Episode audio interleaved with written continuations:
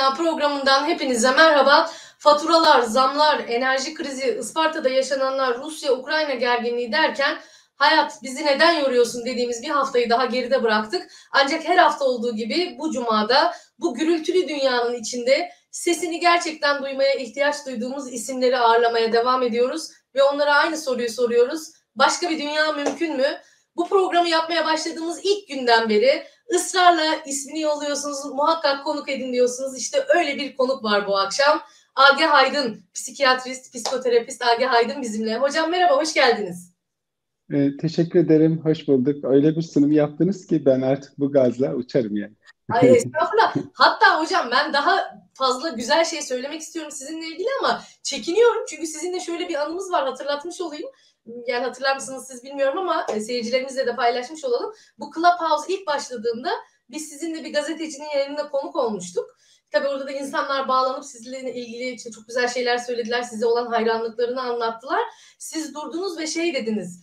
E, bir insanın ayarını bozan, en çok bozan şeylerden biri iltifattır. Siz benim ayarımı bozdunuz, gidiyorum ben dediniz. Hızlı toparlayıp gittiniz. O yüzden de çekinerek başladım açıkçası. Yoksa içimden, gönlümden çok daha fazla şey söylemek vardı sizinle ilgili. Hoş geldiniz tekrar. Sağ olun. Çok naziksiniz. Çok teşekkür ederim. Ben de çok kaprisliymişim. İşte kibir böyle insanı mahvediyor. Ee, Estağfurullah. Kibirle, başka bir dünya kibirden kurtulunca mümkün bence. Estağfurullah hocam. E, lüzumsuz tevazu kibirden gelir. Sizde lüzumsuz bir tevazu yok. E, o yüzden oldu o konuşmada. Ben çok etkilenmiştim o günkü duruşunuzdan da. Hocam hemen şöyle başlamak istiyorum. E, şimdi sizi misafir edeceğim için eski yayınlarımıza bakıyorum. Televizyonda ağırladığımız yayınlara neler konuşmuşuz, neler yapmışız diye. Çok değil yani 3-4 sene önce böyle güzel güzel hayatın anlamı işte nasıl daha güzel bir hayat olabilir, nasıl yaşamın manasını buluruz falan gibi yayınlarda misafir etmişiz sizi.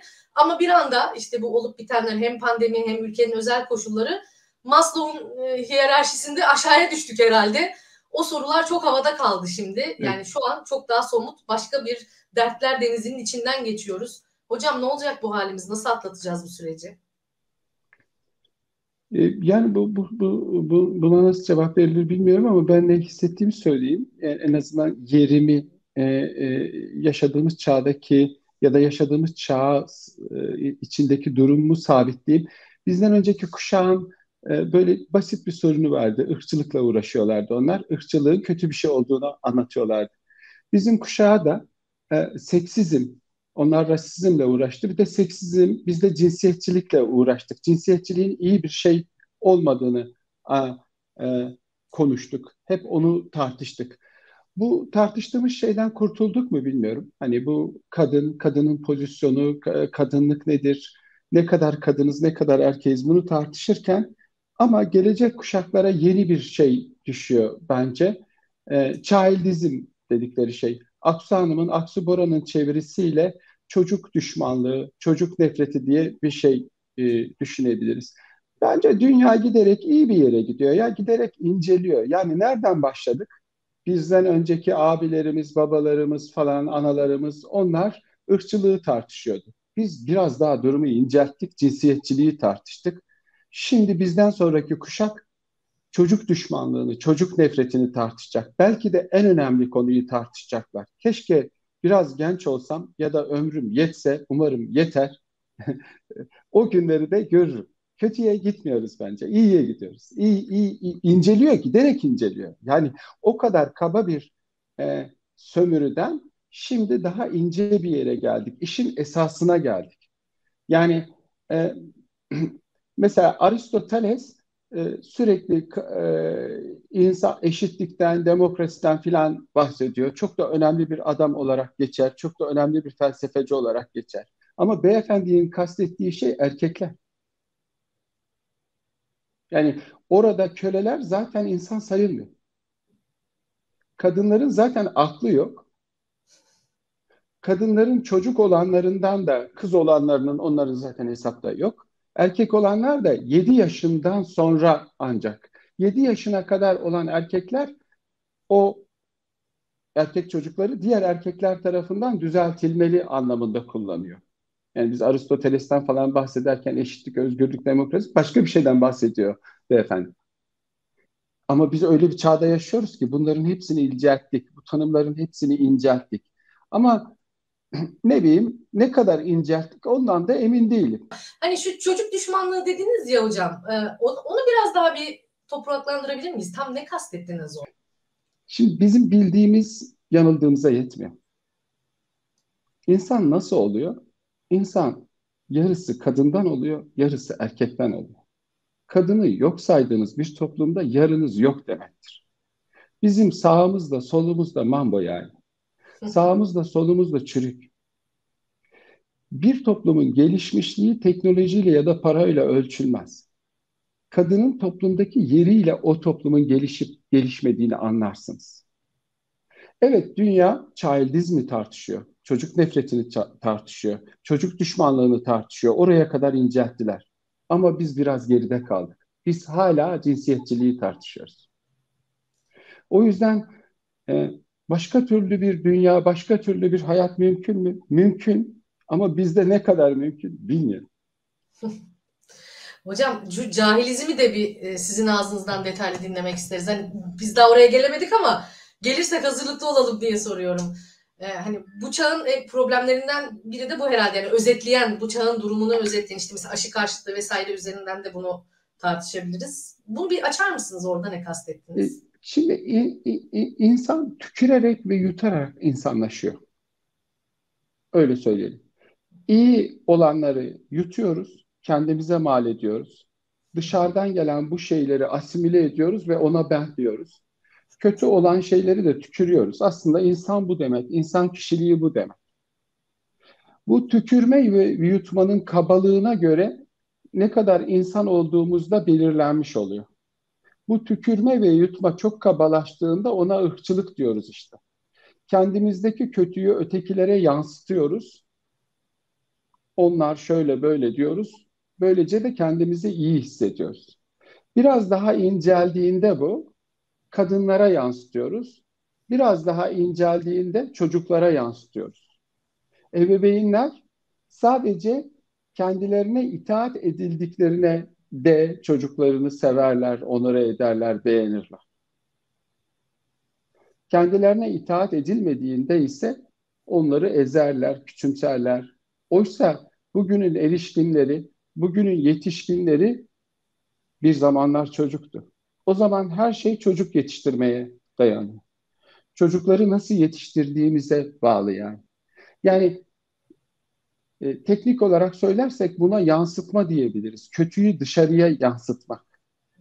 Sonra da onunla özdeşleşmek. Yani onlar böyle biz de böyleyiz diye. Bizdeki çocuk yetiştirmenin e, böyle bir dramatik tarafı var. Yani üç şey söyleyebiliriz. Korumak, bakmak ama bir şey daha var. Katılım. Çocuklar birer özne. Kendi hayatları hakkında, dünya hakkında düşüncelerini, görüşlerini söyleyemiyorlarsa onlar büyüdüklerinde de söyleyemezler. Çocuklarına saygı duymayan bir toplum o çocuklar büyüdüğünde onlara saygı gösterenlere de inanmayacaktır. İnanmıyoruz. Hiçbir şeye inanmıyoruz. Çünkü kimse bize saygı göstermediyse biz de bize saygı gösterenlere de inanmıyoruz. Bilim insanlarını küçümsüyoruz, gazetecileri küçümsüyoruz. Ya filan hanımefendi 35 yılını gazeteciliğe vermiş. Şöyle bir insan, böyle bir insan. Yetsin. O şöyledir, böyledir. Bunu diyebilir insanlar. Haklılar kendisine saygı duyulmayan bir insan başkasına da saygı duyamıyor. Başka bir, bir dünya bence mümkün. En azından ben buna inanmayı seçiyorum. Ee, yani ne zaman böyle içinde hani çocuk e, işte gelecek kötülük gibi böyle bu, bu kelimeler geçse hep e, Raquel Dink'in o e, efsanevi konuşması geliyor aklıma. Hani bir bebekten katil yaratan karanlık. Hani onun pek çok boyutu var ama hani siz de o boyutlardan biriyle başlamış oldunuz. O söz hep çok anlamlıdır. Hani şimdi siyasette de çocuk vesaire gibi tartışmaların içindeyiz ya. E, o cümle hep son dönemde kafamızın içindeydi. Ee, hocam bu sürecin bizi yüzleştirdiği hani ırkçılık kalınla başladık incelerek geliyor dedik ya ırkçılık. Bir de tabii evet. göçmen meselesi de aslında bu konuyu e, bir daha irdelememiz için anlam haritamızda yeniden bir yere koymak için de bir e, süreç yaşattı bize. Yani göçmen denilen bir bir şeyi yaşadık biz göçmen dalgası, göçmenlerle birlikte yaşamak. Ve medyada da özellikle sosyal medyada da inanılmaz e, yanlış bilgilerle tabii hani biraz Türkiye'nin kutuplaşması, siyasi meseleler vesaire de bunda etkiliydi. E, dolaşan yanlış bilgiler düşmanlığı besledi. E, bu aslında hani başka ülkelerde de örneği vardır. İşsizlik artınca göçmenlere düşmanlık beslenir. Yani dünyada bunun başka örneklerini de gördük. Burada da öyle oldu. Ama şimdi bakıyoruz e, Türkiye'nin ciddi ciddi çok iyi okumuş insanları, doktorları, iyi meslek sahipleri göçmen olmaya çalışıyorlar. Bir başka ülkeye gitmeye çalışıyorlar. Bu perspektiften bakınca göçmenlerle sınavımız nasıl geçti sizce? Şair şöyle diyor. Sizinle konuşmadan önce ben her konuşmamda bir iki üç tane dörtlük bir dörtlük söylerim. Burada da ne söylerim ve konuşmanın da neresine uydururum diye bilmiyordum ama artık denk geldi. Denk getirmiş oldum. Işığın diyordu. Kırılıp düştüğü yerden geliyorum. Karanlık kördü ve acımasız. Ellerimle kırdım ben de kanal, kalan kanatlarımı, kanatlarımı kanatmaktan geliyorum. İnsan ötekilerini içine alarak, o içine aldıklarını asimile ederek kendini oluşturan bir varlık. Ötekinin kanadını kırdığınızda sizin de kanadınız kırılıyor. İç göç üzerinden düşünürsek, iç göçün nedeni bence ne yoksulluktur ne de teknolojideki geriliğimizdir. İnsanların önemli bir çoğunluğu içindeki kanatların yarısı babadan yarısı anadan geliyorsa anasından gelen kanatları görebilmek için kentlere geliyorlar. Yoksa bir insan asgari ücretle çalışmak için İstanbul'a gelir mi ya? Ya da Türkiye'deki turizm, iç turizmin önemli bir kısmı ekonomik olarak şu anda rakamları aklımda değil ama pavyonlarda harcıyoruz biz. Demek ki bu insanlar kadınlara değer veriyor. Göçün en önemli nedeni kadının kamusal alanda olmaması olabilir. Bulunduğu kentte, yaşadığı kentte, yaşadığı köyde kadınlarla aynı yerde, aynı zamanda olamamanın verdiği acıyı gidermek için kentlere göç ediyor olabiliriz.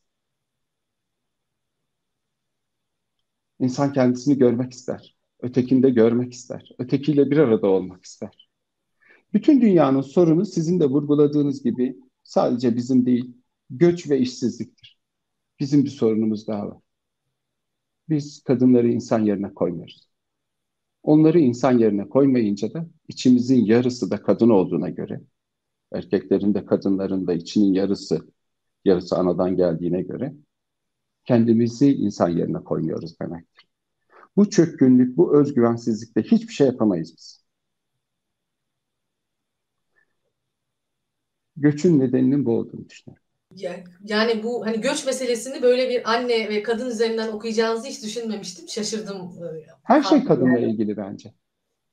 Ya bir insanın yarısından bahsediyoruz. Ya. Yarısı olmayan bir, bir, bir varlıktan bahsedebilir miyiz? Yarısına hürmet edilmeyen, yarısının değeri olmadığı bir yerde bir insan kendisine değer verebilir mi? O zaman her şey bununla ilgilidir. Bunu çözeceğiz ki hı hı. o küçük ince şeylerle de ilgilenebilelim. Nasıl çözeceğiz peki hocam? Valla sevdiklerimize saygı duysak iyi olur. Oradan başlayarak diyorsunuz. Öyle büyük, büyük hamlelere bilmiyorum, Nasıl olur bilmiyorum. Ama yani bu kötüyü dışarıya yansıtarak kurtulamayacağımız bir şey.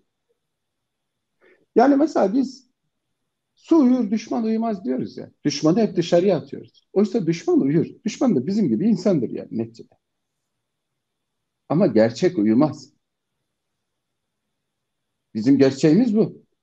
Çıktığımız yer belli. Nerede insanlaştığımız belli. Düşman uyur yani. Gerçek uyumaz. Gerçek nasıl uyumuyor? Şimdi biz Avrupa Birliği ile ilgili Avrupa Birliği'nden bir sürü para aldık biz. Bir sürü fonlar aldık. Ciddi para aktardılar o insanlar bize. Harcadık harcadık o paraları. Şimdi Avrupa'ya posta koyuyoruz. Kim uyumuyormuş? Kim kimin düşmanıymış? Ya biz 50 senelik projeden vazgeçiyoruz. E, bir insan kendine bakmaz mı? Kim kimi kazıkladı yani? Şimdi Avrupalılar mı bizi kazıkladı, biz mi Avrupalılar? Bence diğer yarımıza hürmet etmemiz lazım. Diğer yarımıza hürmet edersek kimseyi kazıklamayız, kimseye yalan söylemeyiz, daha dürüst ilişkiler kurarız, birbirimizle de iyi ilişkiler kurarız. Annesine, kadınlara, yarısına, kendi yarısına ihanet eden bir kişi herkese ihanet eder. O kişiye güvenilmez yani. Şimdi biz çocuklara ihanetten bahsediyoruz. Çocuk sömürüsü daha önemli bir problem. Çünkü kadın sömürüsünün de nedeni belki de çocuk sömürüsüne dayanıyor. Bu çocuk sömürüsünün bir altını açar mısınız hocam? Hani şimdi şeyi konuşuyoruz ya bu son dönem. Geçen hafta da Selçuk Hoca konuğumuzdu. Yani aslında hani işte insanlar yaşayamadıkları hayatları çocuklar ya en azından Türkiye'nin yüzde yirmisi, yüzde seksen için böyle bir şey yok da onlar hani hayat derdinde ama yüzde yirmisi yaşayamadığı hayatları çocuklar yaşasın. İşte proje çocuklar, helikopter ebeveynler, yurt dışına gidecek bu çocuklar. Aynı anda hem keman çalacaklar hem matematikte iyi olacaklar. Ama bir yanda da işte diğer yüzde seksen hiç kitap yüzü görmüyorlar. Böyle bir işte, işte saldım çayıra mevlam kayıra demişti hatta Selçuk Hoca. Ee, yani bu tespitten yola çıkarak o hani çocuk nefreti meselesini bir açar mısınız bize? Ya Cansel öyle bir kızdı ki Aga hocam yani hiç bizim bizi sıkıntıya sokmadı. Okula gitti, her şeyi düzgün yaptı. Hiç başımızı belaya sokmadı. Tek bir sorun getirmedi. Şimdi çocuk sömürüsünün en incelikli hali bu. Bunu şimdi erişkinler ve akademisyenler nasıl yapıyor? X, Y, Z kuşağı adı altında çocukları kötüleyerek, gençleri kötüleyerek.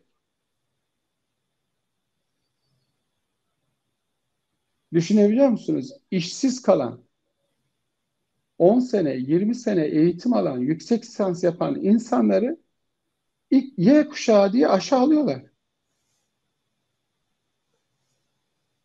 Aç kalan, verdiklerinin karşılığını alamayan bir kuşağı nasıl kötülüyorlar dikkat ederseniz. Oysa oysa şöyle sınıflayabiliriz. Yoksullar ve varsıllar vardır. Verdiklerinin hakkını alan çocuklar ve alamayan çocuklar vardır. X, Y, Z kuşağı ne? İşte böyle kötülüyoruz. Farkında olmadan kötülüyoruz. Biz de yapabiliyoruz bunu. Bilim insanları, bilimciler söylüyor, biz de inanıyoruz. Sonra biraz sorgulayınca görüyoruz ki, aa bu bir çocuk kötülemesi aslında. Bu bir çocuk nefreti aslında. Bu bir çocuk düşmanlığı aslında. Bakın bugünkü gençler yani e, çocuk düşmanlığını tartışıyor. Oysa biz bunun farkında bile değildik. Bizden daha iyi bir yerdeler yani. Çok incelikli olabiliyor bu. Bu sömürü benim istediğim gibi olursa bu da yaratıcılığı yok ediyor. Onun istediği gibi olabilmek için bir, şey, bir sürü şeyden feragat etmeniz gerekiyor. Onun beklediği meslekleri, onun beklediği işleri seçmeniz gerekiyor. E, bizim buraya çok zamanımız var bence. Biz önce daha e, o çocuğun anasından başlamamız lazım. Hocam sorunu Biz bile... oraya takıldık, epeyce ilerlemiştik, geri döndük bir de. Ya zaten gerideydik, bir de geri döndük.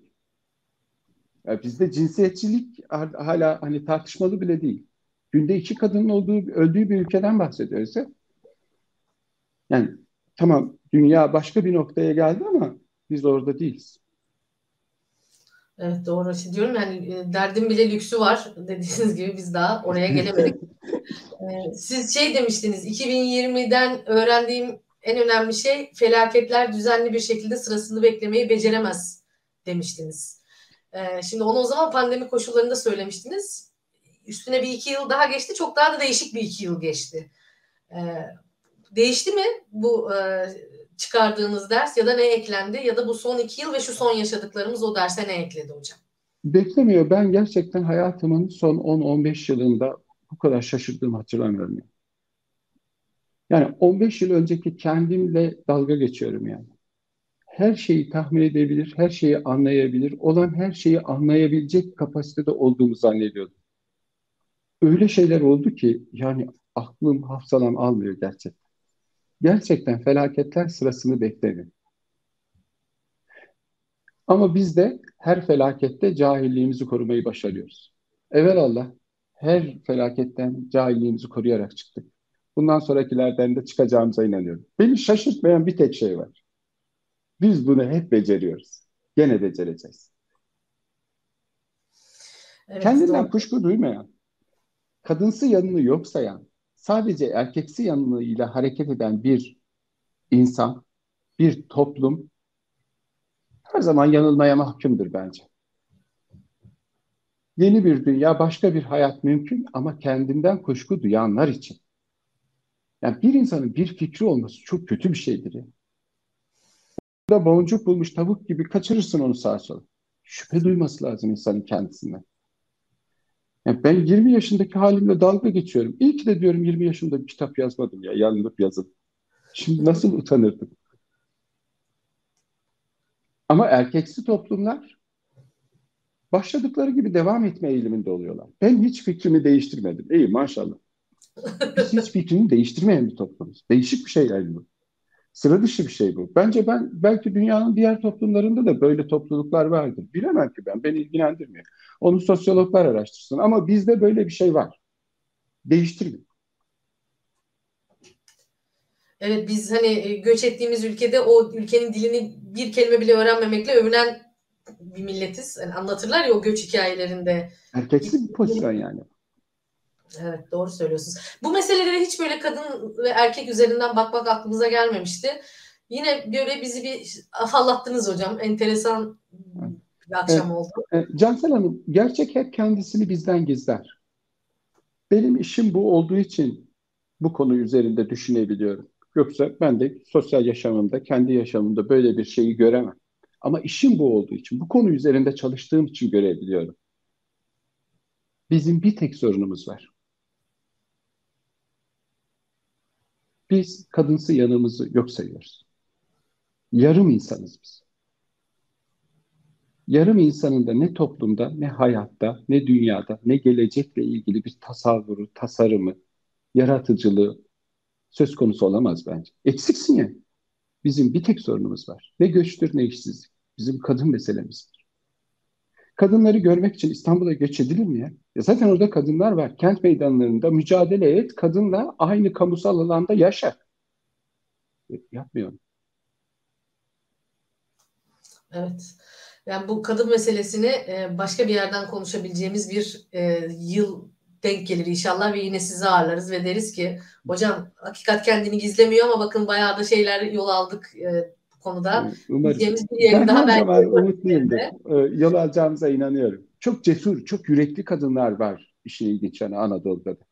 Çok mücadele vermişler. Yani bunu şu anda benim bunu söyleyebilmem için bile ya da benim gibi insanların, sizin gibi insanların bunu söyleyebilmesi bile o yürekli kadınların mücadelesi sayesinde olmuş. Şimdi söyleyebiliyoruz. Ben 20 sene önce kadına şiddetin ne olduğunu bile tam olarak bilmiyordum yani. Kendi adıma söyleyeyim. Cahildim yani bu konuda. Anlamıyordum bile yani. Yani söylediğim şeyin insancıl, iyi bir şey olduğunu söylediğimi zannettiğim şeylerin bile aslında cinsiyetçi bir tutum olduğunun farkında bile değil. Bunu bu yürekli kadınlar sayesinde edindim. Artık umudumuz size kalmış yani. Allah Hocam, yardımcınız evet, olsun e, şey çok doğru. Aslında yani gizli cinsiyetçilik belki de görünen cinsiyetçilikten evet. daha tehlikeli. Şimdi iletişim fakültesinde ders verirken öğrencilerimize hep onu anlatmaya çalışıyorum. Mesela işte kadın pilotun başarısı. E, bunu böyle pozitif bir şey olarak hemen görüyor öğrenciler. Aslında bu e, yani kadınla ilgili söylenmiş kötü bir sözden daha tehlikeli bir başlık. Çünkü burada bir gizli cinsiyetçilik var gibi. E, dolayısıyla da hani bu konunun görüneni görünmeyeli, buzdağının üstü altı çok büyük bir mesele otursak saatlerce keşke dinlesek sizin bu konuyla ilgili başka derin düşüncelerinizi ama hep söylüyoruz hani kuyu derin ip kısa değil ama bu internette süre işi kısa hocam. E, evet. E, herkes her yayın bittikten sonra keşke daha uzun sürseydi diyor ama e, bir yandan da işte internette kısa içerikler izleniyor diye de bir klişe var. Biz de onun peşine takılıp gidiyoruz. Çok teşekkür ediyorum. E, ağzınıza sağlık. Şimdi bu yayın bitince ben öyle yapacağım. Herkese de onu tavsiye ediyorum. Şöyle bir bardak demli çay alacağım bir daha düşüneceğim söylediklerinizi. E, böyle bir sindireceğim tespitlerinizi. Herkese de onu tavsiye ediyorum. Bu akşam çünkü böyle bir hani bu yayın bitti hadi iyi akşamlar diyeceğimiz bir akşam değil. Çok teşekkür ediyorum. Ağzınıza sağlık hocam. Ben çok teşekkür ederim. Sizinle konuşmak çok zevkliydi. Ben de çayımı içeceğim. Çaydan güzel şey mi var? En güzel şeyimiz de bu zaten. Ee, olmadı bir çay içeriz değil mi hocam? Yani öyle diyoruz evet, ya. yani ne olacak yani. Baş etmek için. Çok teşekkür ediyorum tekrar. Ağzınıza ben sağlık. Ben teşekkür ederim. E, lütfen siz de her zaman olduğu gibi e, bu hafta boyunca bize ulaşın. Görmek istediğiniz konuları, konukları bizimle paylaşın. Çaylarımızı alalım. Haftaya görüşmek üzere. Hoşçakalın. İyi akşamlar.